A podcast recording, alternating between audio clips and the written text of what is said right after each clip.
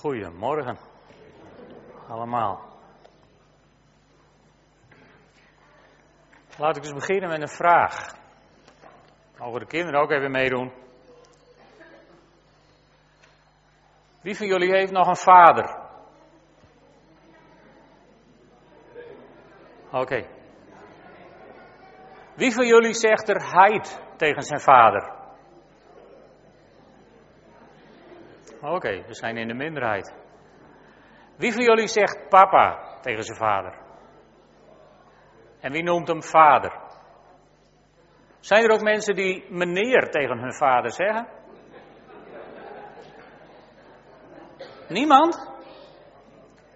Dat is eigenlijk heel verwonderlijk. Want er zijn heel veel mensen die zeggen wel Heer tegen hun hemelse vader. Bijzonder eigenlijk dat je dat tegen hem wel doet en niet tegen je aardse vader. Vinden jullie niet? Jaren geleden dacht ik uh, God een heel groot plezier te doen.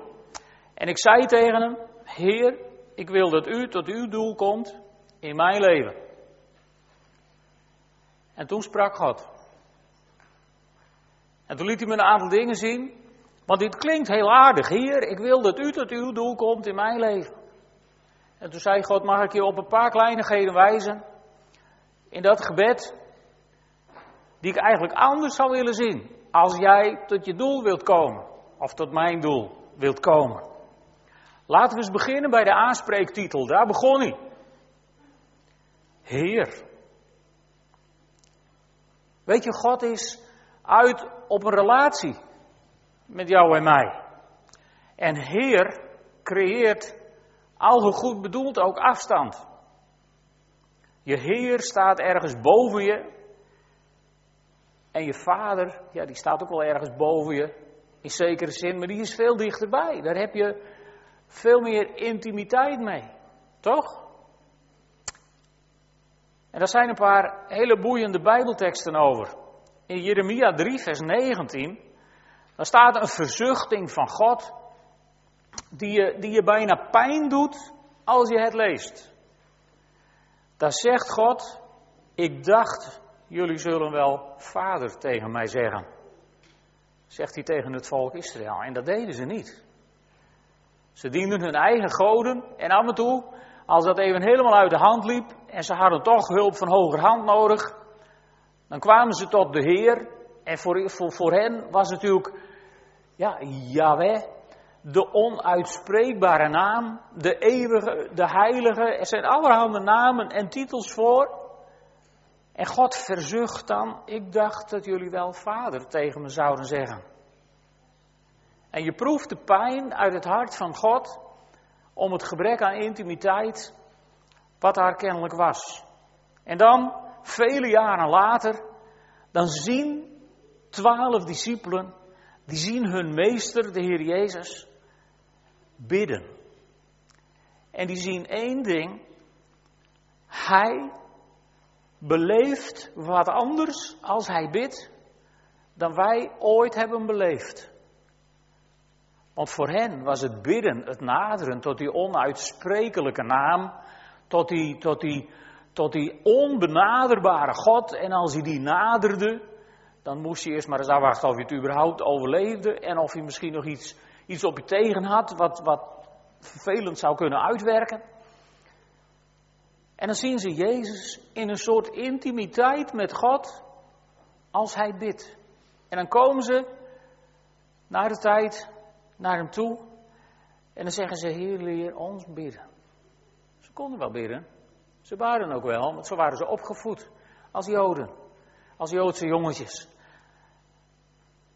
Maar wat ze vroegen aan de Heer Jezus was, Heer, leer ons zo bidden, dat we zo dicht bij het hart van de Vader komen als wat we zien in u, als u bidt.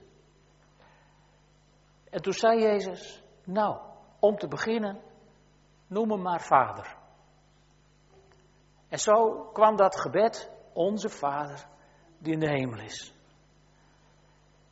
Weet je, jammer genoeg is dat in de kerk later verworden tot een soort formuliergebed.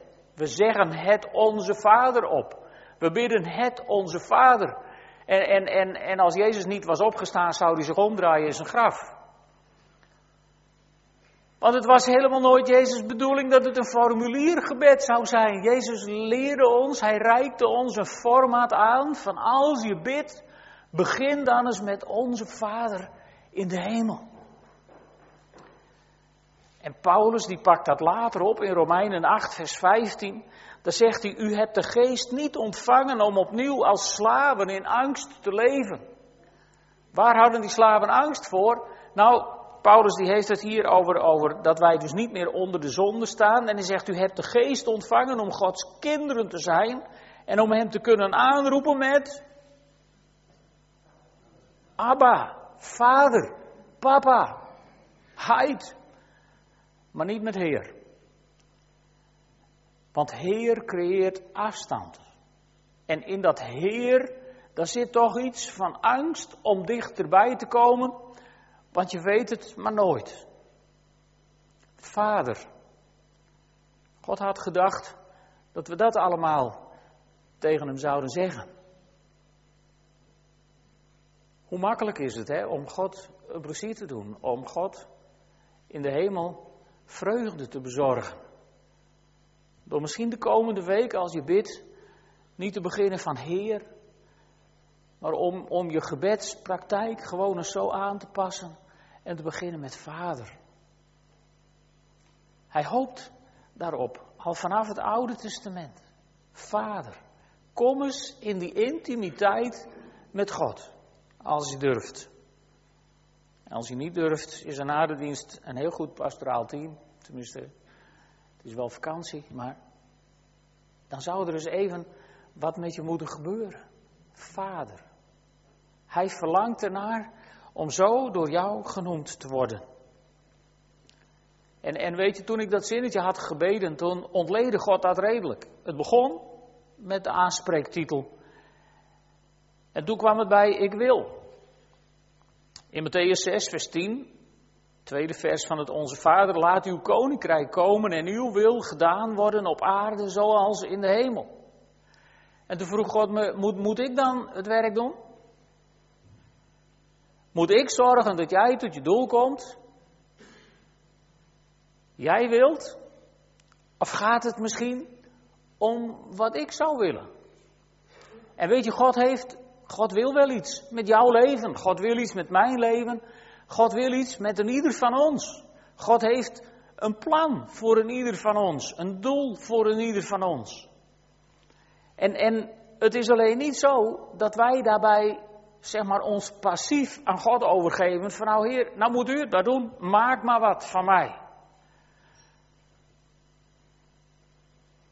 Ik denk dat we wat dat betreft veel meer moeten kijken naar de houding van de grootste apostel die er, die in het Nieuwe Testament in beeld komt, de apostel Paulus. Paulus ging niet rustig zitten afwachten totdat God zou komen tot zijn doel. Paulus die zegt in Filippenzen 3 vers 14, ik vergeet wat achter me ligt en ik richt me op wat voor me ligt. En ik ga recht op mijn doel af, de hemelse prijs waartoe God mij door Christus Jezus roept. En, en de meeste van ons kennen die tekst beter uit de NBG-vertaling, uit ons hoofd. Vergetende hetgeen achter me ligt en mij uitstrekkende naar hetgeen voor me ligt, jaag ik naar het doel. Om de prijs der roeping Gods, jaag ik naar het doel. Weet je dat in, in, in die woorden, jaag ik naar het doel, daar zit, daar zit dat bruist van actie. Maar het bruist niet alleen van actie, er zit ook een zekere urgentie in die woorden. Die proef je eruit, dan jaag ik naar het doel. Met andere woorden, ik moet dat doel vinden. Ik moet dat doel bereiken. Ik moet, ik wil dichter naar God. Het, Paulus die, die laat daar uit zijn hart een intensiteit van verlangen proeven. Om dichter bij God te komen. Waarvan ik af en toe mezelf voor de spiegel durf af te vragen. Goh, heb ik dat wel? Of heb ik het nog? Moet je je misschien wel regelmatig afvragen. Ik wil dat u tot uw doel komt. Ja, maar jagen we er ook naar? En waar jagen we dan naar? Wat voor doel heeft God voor ons leven? Daar is heel veel verwarring over. Ik heb, uh, ik heb ooit eens een, uh, een spreker horen zeggen, die, uh, en, en, en die, die, had ook nog, die leidde ook nog een bijbelschool en vanuit Kolmen waren, was iemand naar die bijbelschool geweest, een jongere uit de gemeente waar ik toen bij was. En, en die had het altijd over the one and only perfect will of God for your life. Dus de enige, echte, volmaakte wil van God voor jouw leven. Alsof het een speld in een hooiberg was, die je moest proberen te vinden. En als je die speld niet vond, had je het doel van God voor jouw leven gemist. En toen, toen dacht ik, hier klopt iets niet. Want ik zag er niemand blijven worden. Ik zag iedereen alleen maar helemaal in de stress raken en helemaal, helemaal ja, gestrest en, en, en niet blij, wanhopig op zoek naar zijn speld in Gods hooiberg.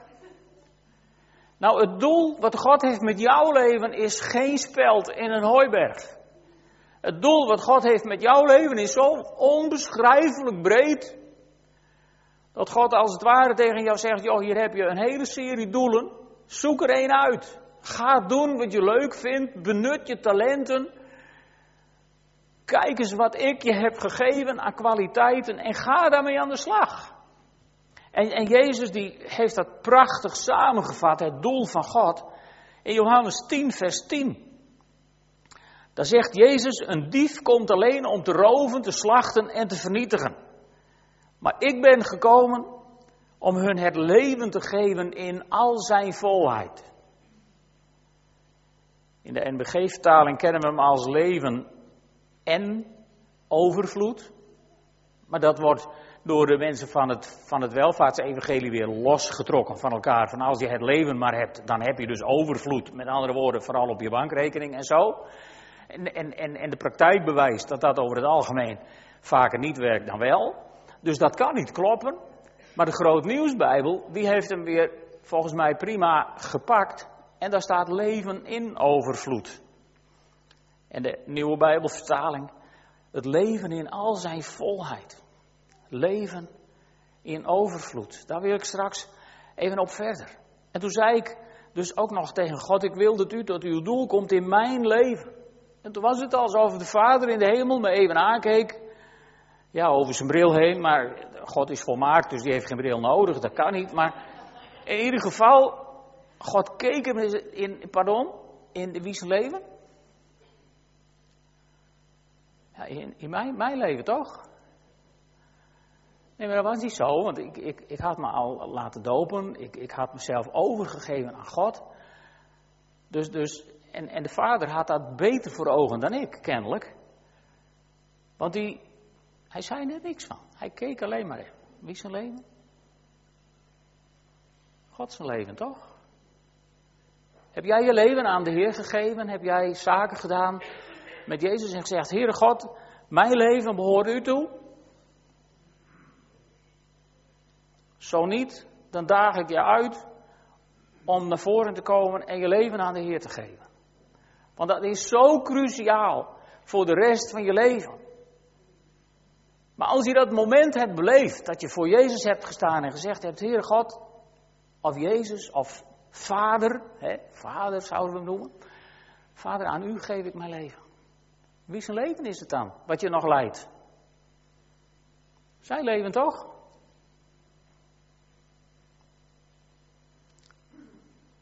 Dus het is helemaal niet mijn leven. Paulus die omschrijft dat prachtig in Romeinen 14.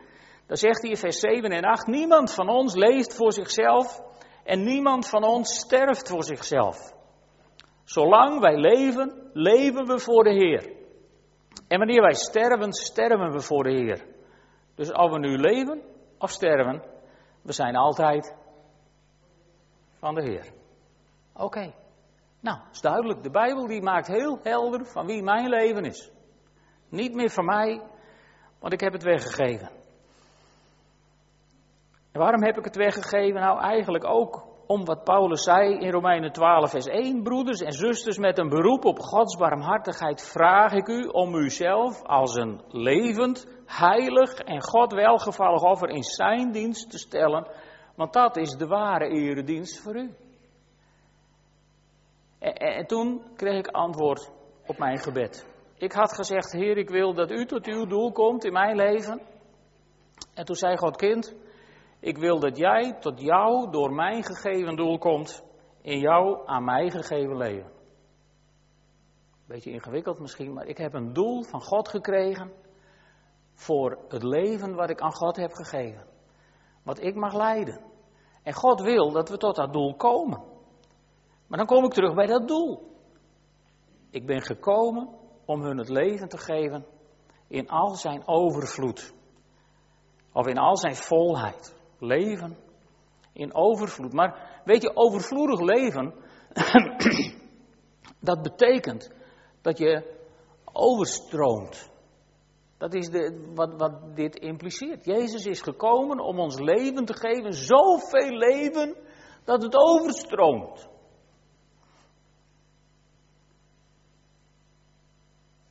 Heb een, eh, een vijver achter in de tuin en daar zit een, een eh, stukje dakgoot met een pijpje en zo en dat loopt in de vijver. Als het nou heel lang, heel hard regent, dan wordt mijn vijver gevuld met water in overvloed.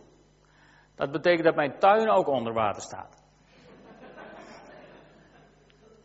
Gebeurt gelukkig niet zo vaak. Maar leven in overvloed betekent dat je overstroomt.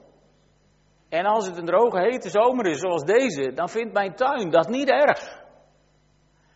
En in een dorre, droge maatschappij waar wij vandaag in leven, in een wereld die meent dat ze het zonder God kan, in een wereld die daardoor al haar energie opgebruikt, omdat ze niet tanken bij het tankstation van God in de hemel, daar is het dor en daar is het droog en daar is het nog veel heftiger dan Nederland was na deze week, zogenaamde hittegolf.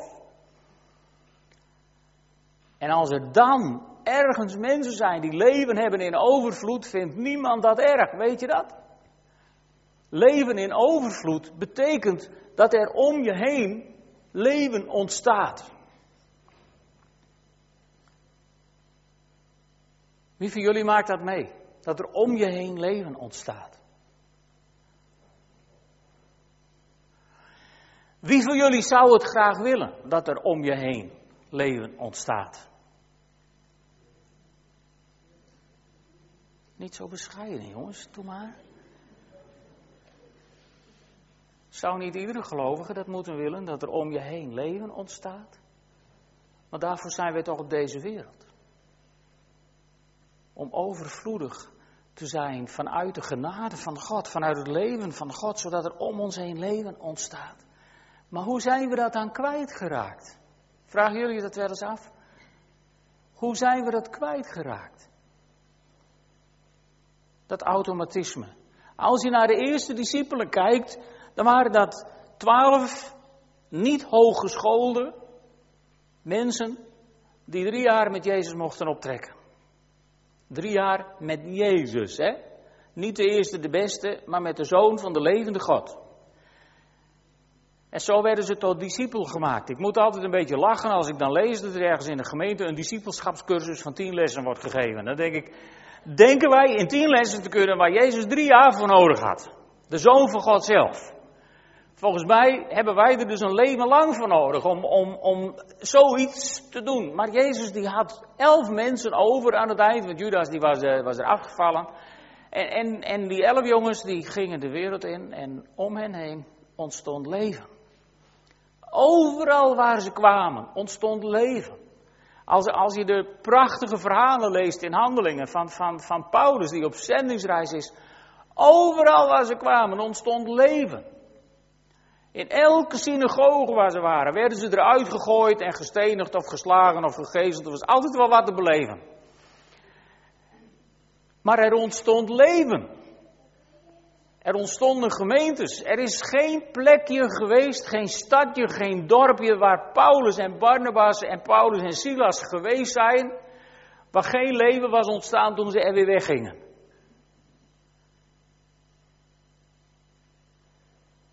En er is geen camping in Europa waar wij gekampeerd hebben, waar wel leven is ontstaan toen we weer weggingen, nou niet. Dus zijn we wat kwijtgeraakt. En hoe zijn we dat nou kwijtgeraakt? Ik, ik denk dat we om heel eerlijk te zijn, steeds meer hebben toegegeven aan de verlokkingen, aan de gemakken, aan de verleiden, verleidelijkheden van deze wereld. Jacobus, die is daar heel duidelijk over. In Jacobus 1 dan zegt hij, iedereen komt in verleiding door zijn eigen begeerte die hem lokt en meesleept. En is die begeerte bevrucht, dan baart ze de zonde. En is die zonde volgroeid, dan brengt ze de dood voort. Nou, ik zou die zin vandaag eens om willen keren. Daar is een hele positieve zin van willen maken. Let goed op. Zo vaak iemand verzoeking weerstaat, dan komt dat niet uit je eigen kracht. Zodra iemand verzoeking weerstaat, komt dit voort uit de genade van de inwonende Heilige Geest. Hebben we die? Anders moet je hem even opschrijven.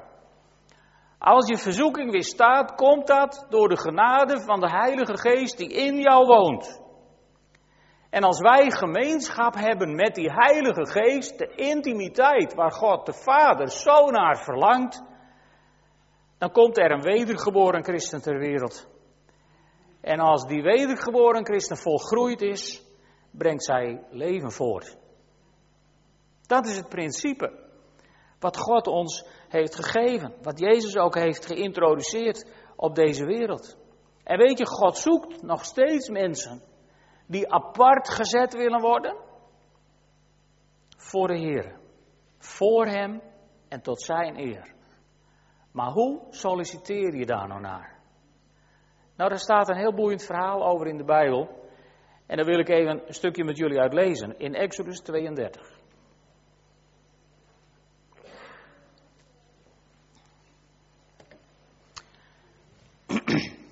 Mozes is 40 dagen en 40 nachten op de berg bij God. Nadat God op een overweldigende manier heeft gesproken tegen de Israëlieten, hoorbaar, hebben de Israëlieten gezegd: Dit wordt ons te veel. En die hebben tegen God gezegd: Praat maar niet meer met ons, praat maar met Mozes en dan horen wij het wel. Met andere woorden, toen werd de afstand gecreëerd die God niet wilde. En dan is Mozes 40 dagen en 40 nachten op de berg en daar krijgt hij de, de, de wet op stenen tafelen. En ondertussen zitten de mensen beneden in het dal. Ja, die hebben afstand gecreëerd tot God. En als je afstand creëert tot God, dan maakt iemand anders daar gebruik van. En door die afstand tot God kwamen ze op een gegeven moment op het idee van ja, die, die God die zit daar boven op die berg, maar daar hing kennelijk een wolk omheen of zo. Dus God zit daar in de mist en Mozes zat daar in de mist en we zien niemand en we horen niemand. En na 40 dagen, wij hadden de zoektocht al lang gestaakt tegenwoordig. Dus ze denken, nou, zeker wat misgegaan. Laten wij een God fabriceren. En zo maakt Aaron een gouden kalf. De meeste van jullie kennen misschien het verhaal wel. En ze vieren uitbundig feest rondom dat gouden kalf. En dat was niet zo'n netjes feest, maar dat was een feest waar de meeste feesten vandaag de dag bij zouden verbleken. Qua onreinheid en banaliteit en wat daar allemaal gebeurde. Dus het was een beestenwende. En dan komt Mozes terug van de berg. Nou, die smijt in zijn woede de stenen tafelen aan gruzelementen. En uh, hij vermaalt dat gouden kalf. Strooit het maalsel in de rivier, laat die mensen hun eigen God opdrinken. Had je ook iets inwonends, maar niet de Heilige Geest. En, en, en dan, daar wil ik even met jullie een stukje lezen. Dit is de voorgeschiedenis. Dan gaan we naar vers 25 van hoofdstuk 32. Mozes begreep dat het volk zich had laten gaan omdat Aaron niet ingegrepen had. Dus het was zwakte van Aaron en dat hun vijanden daarom de spot met hen zouden drijven. Hij ging bij de ingang van het kamp staan en zei: Wie voor de Heer kiest, moet hier komen. Dus als je in een, gemeente een uitnodiging wordt gedaan, denk je misschien, nou moet het nou, hè? Nou, dat er voren komen. Maar dat is dus zo oud als, als de Bijbel. Want Mozes die zei, wie voor de Heer kiest, die mag naar voren komen.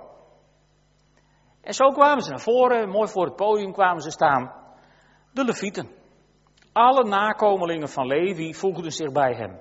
En hij zei tegen hen: Dit zegt de Heer, de God van Israël: Gord je zwaard om, jullie allemaal doorkruis het kamp in de volle lengte en breedte en dood iedereen die je tegenkomt, ook al is het je broer, vriend of verwant. Vandaag de dag niet aan te bevelen.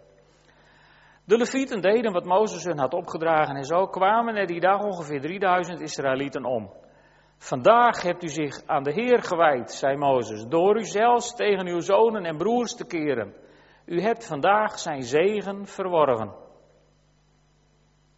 De volgende morgen zei Mozes tegen het volk: U hebt zwaar gezondigd. Toch zal ik de berg op gaan.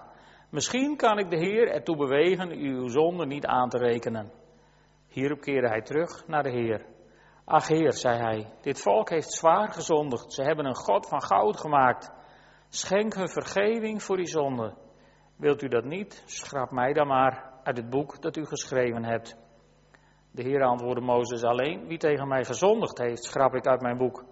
Breng het volk nu naar de plaats die ik je heb genoemd. Mijn engel zal voor je uitgaan. Maar op de dag van de verantwoording zal ik hen voor hun zonde ter verantwoording roepen. De Heer strafte het volk omdat ze het kalf hadden gemaakt, het beeld dat Aaron had gegoten. Hier gebeurt iets. Hier heb je dus mensen die, die de verzoeking weerstaan. Kennelijk hadden de Levieten niet meegedaan met dat banale feest. Want dan hadden ze geen enkel recht gehad om apart te gaan staan en eigenlijk de straf van God, de wraak van God te voltrekken aan het volk. Ik geloof ook niet dat als de Levieten mee hadden gedaan, dat God hen überhaupt had geaccepteerd om, om het instrument van zijn, van zijn wraak te worden. Dan had hij vuur uit de hemel laten komen of zo en dan waren er geen Levieten meer geweest. Maar kennelijk hadden ze niet meegedaan. En weet je, dat is waar het op aankomt in deze wereld. Als je wilt, als, als je tot, tot, tot het doel van God voor jouw leven wilt komen, dan is het belangrijk dat je je leven voor Hem apart zet. Net zoals die levieten hadden gedaan. En je leven voor Hem apart zetten, dat, dat, dat betekent dat je niet meedoet met de wereld om je heen. Maar dat je je laat leiden door de geest in je hart en door het woord van God in je hand. Het betekent dat je durft apart te staan. En, en in, in dit verhaal eh, vloeit er dan wel een hoop bloed. Maar het principe wat er heel duidelijk uit wordt is, als je apart komt staan, dan kan het maar zo zijn dat je zelfs apart komt staan van je vrienden, van je familie, mensen die je heel dierbaar zijn. Apart gezet willen zijn voor God is geen actie van God die jou bij je kuif pakt en je apart zet. Apart gezet worden voor God is jouw keuze. Jouw keuze door op de uitnodiging van God in te gaan. En als er dingen gebeuren waarvan, waarvan de geest in je hart je heel duidelijk maakt van en dit kan niet, dit is niet van God. Dat je aan de zijkant durft te gaan staan en durft te zeggen dat je ergens niet aan meedoet. En durft te verantwoorden waarom je ergens niet aan meedoet. En, en, en dat hoef je niet altijd direct zo heel groot te zoeken. Wij mensen zoeken het vaak zo, zo snel in de grote dingen. Maar het kan al, al beginnen voor, voor, voor de jongeren onder ons als je op school zit en er is één in de klas die gepest wordt. Of er is een leraar die gepest wordt door bewust, bewust en duidelijk voor iedereen te zeggen: hier doe ik niet langer aan mee. En dat kan natuurlijk ook op je werk, want er wordt niet alleen op school gepest, er schijnt ook op werk gepest te worden. En ook daar kun je toch zeggen, daar doen we niet aan mee. Het is nog erger, er wordt zelfs in het verzorgingshuis en in het verpleeghuis gepest. Als er nieuwe mensen komen, dan is er geen plek. Nee, want daar zit altijd die, daar zit altijd die, daar zit altijd die. Ja, en ben je nieuw, helaas pindakaas, zoek het uit. Dus met andere woorden, lieve vrienden, als je nu durft te besluiten van als er dingen gebeuren die niet van God zijn, dan wil ik daar niet langer aan meedoen, dan kun je daar tot de laatste ademteug in je leven, kun je daarmee toe. Tot je in een verpleeghuis bent, bent beland, of in een ziekenhuis, of wherever. Je kunt het overal de hele rest van je leven met je meedragen. Dat was ook zo met die levieten. Ze werden apart gezet. Ze kregen, ja, ze kregen geen, uh, heel sneu eigenlijk, hè? ze kregen geen stuk van het land toebedeeld. Apart gezet willen worden voor God kan dus ook nog wel eens, kan ook nog wel eens geld kosten. Ik weet niet of je het nu nog wilt, maar ja, het kan soms consequenties hebben. En die levieten, die werden apart gezet voor God. Maar er gebeurde ook iets bijzonders met die levieten. Laat ik je even meenemen voor een soort luchtfoto. Even in een drone. Wentelwieken we even omhoog. En dan kijken we van heel hoog neer op dat volk Israël in de woestijn. Een immens grote stad van tenten.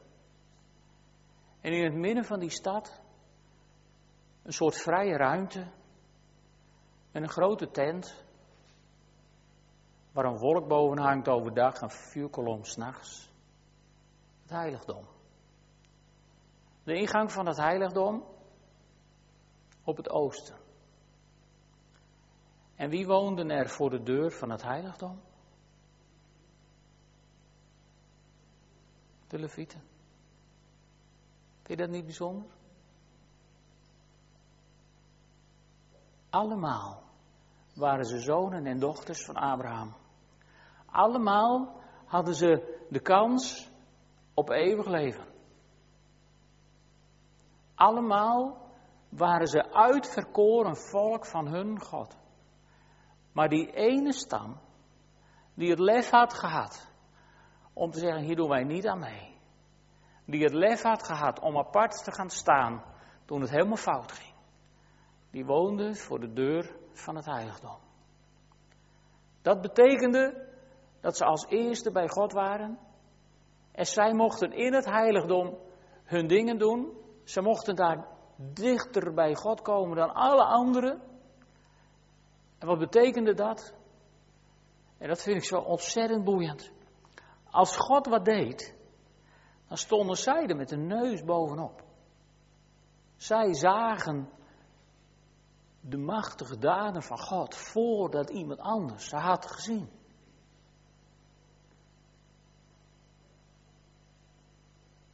Vind je het dan niet beren aantrekkelijk geworden om apart gezet te worden voor God? Om te zien wat hij doet, de machtige dingen van zijn hand te zien. En zal ik je wat vertellen? Dat voorrecht is vandaag de dag niet meer voor de Levieten. Niet meer voor de stam Levi. Dat voorrecht om te zien wat God doet, is vandaag de dag voor hen die een discipel van God willen zijn. We waren deze week op de New Wine conferentie in Walibi. Dan was het redelijk heet. Maar ook geestelijk was het redelijk op temperatuur, moet ik zeggen. En, en daar hoor ik een hele mooie uitspraak van Mike Breen, de hoofdspreker. En die zei van, de Heer Jezus stuurde zijn discipelen de wereld in met de opdracht om discipelen te maken, toch? Dat was de opdracht. En toen ze overal waar ze discipelen maakten, ontstonden kerkjes. Dat ging vanzelf. Maar de volgende generatie, die ging overal kerken bouwen. En zei tegen de mensen, nou, als je nou hier komt, dan komt het helemaal goed. En dan hopen we maar dat mensen die in die kerk komen automatisch discipel worden. Met andere woorden, het idee van Jezus was, maak discipelen en er ontstaat een kerk. En wij hebben ervan gemaakt, wij maken een kerk en als we geluk hebben, ontstaat er hier en daar een discipel.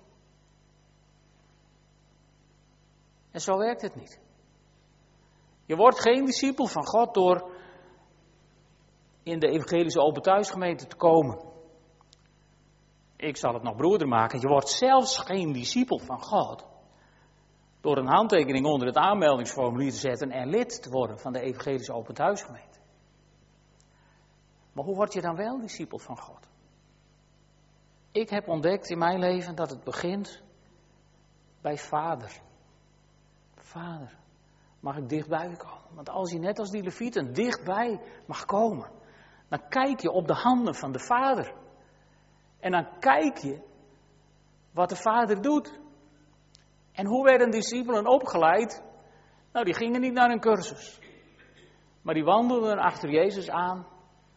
En die hoorden hoe hij met andere mensen praatte. En die zagen hoe hij met andere mensen omging.